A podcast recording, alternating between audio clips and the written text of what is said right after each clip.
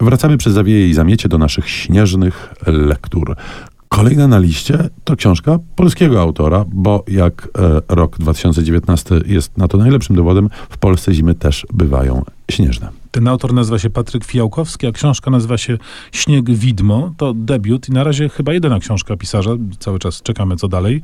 Śnieg Widmo już samą okładką nas bardzo śniegowo ustawia, bo ona też jest taka biała, z białym tytułem, który właściwie gdzieś tam rozpływa się w tej bieli. A w środku?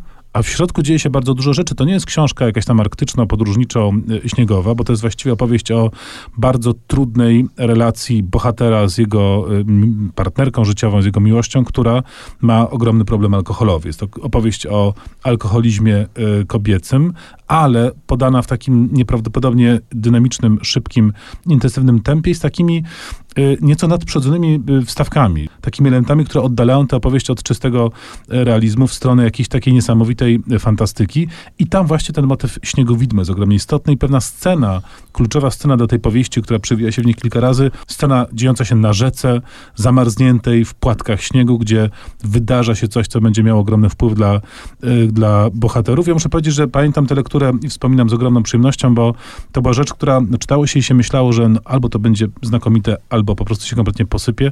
No i to naprawdę się trzyma do końca i świetna, świetna powieść i bardzo śniegiem przypruszona. A teraz czas wybrać się na mroźne wybrzeża Nowej Funlandii. Michael Krami. To znany już w Polsce autor. Kilka jego powieści zostało przetłumaczonych na polski. Najgłośniejsza i jedna z mroźniejszych, aczkolwiek we wszystkich jego powieściach sporo śniegu, mm, to książka Dostatek. Dzieje się ona w e, Nowej Funlandii. To jest e, saga, e, saga ludzi, którzy mieszkają tamże. No, mieszka im się średnio, bo klimat jest tam niezwykle surowy. Książkę otwiera scena odnalezienia wieloryba, w którym to wielorybie coś się znajduje, a konkretnie ktoś. Ale to tylko otwarcie.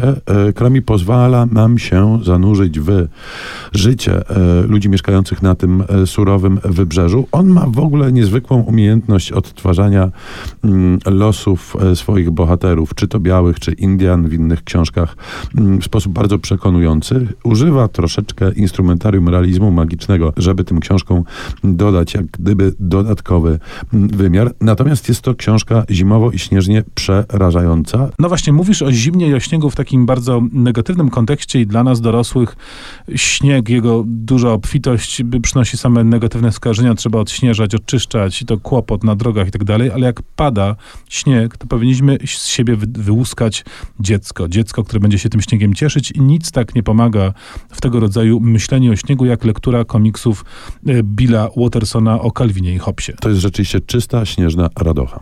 Calvin jest absolutnym geniuszem, jeśli chodzi o lepienie bałwanów śnieżnych. Mnóstwo historii, to są, przypomnijmy, takie paski e, kilkukadrowe opisujące różne perpetie tego dość niesamowitego chłopca i jego pluszowego tygrysa.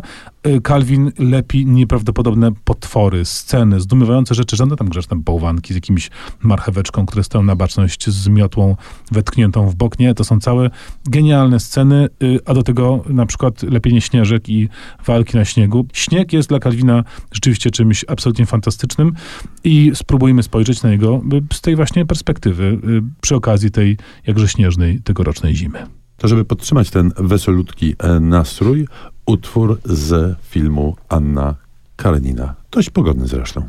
Skomponował Dario Marionelli.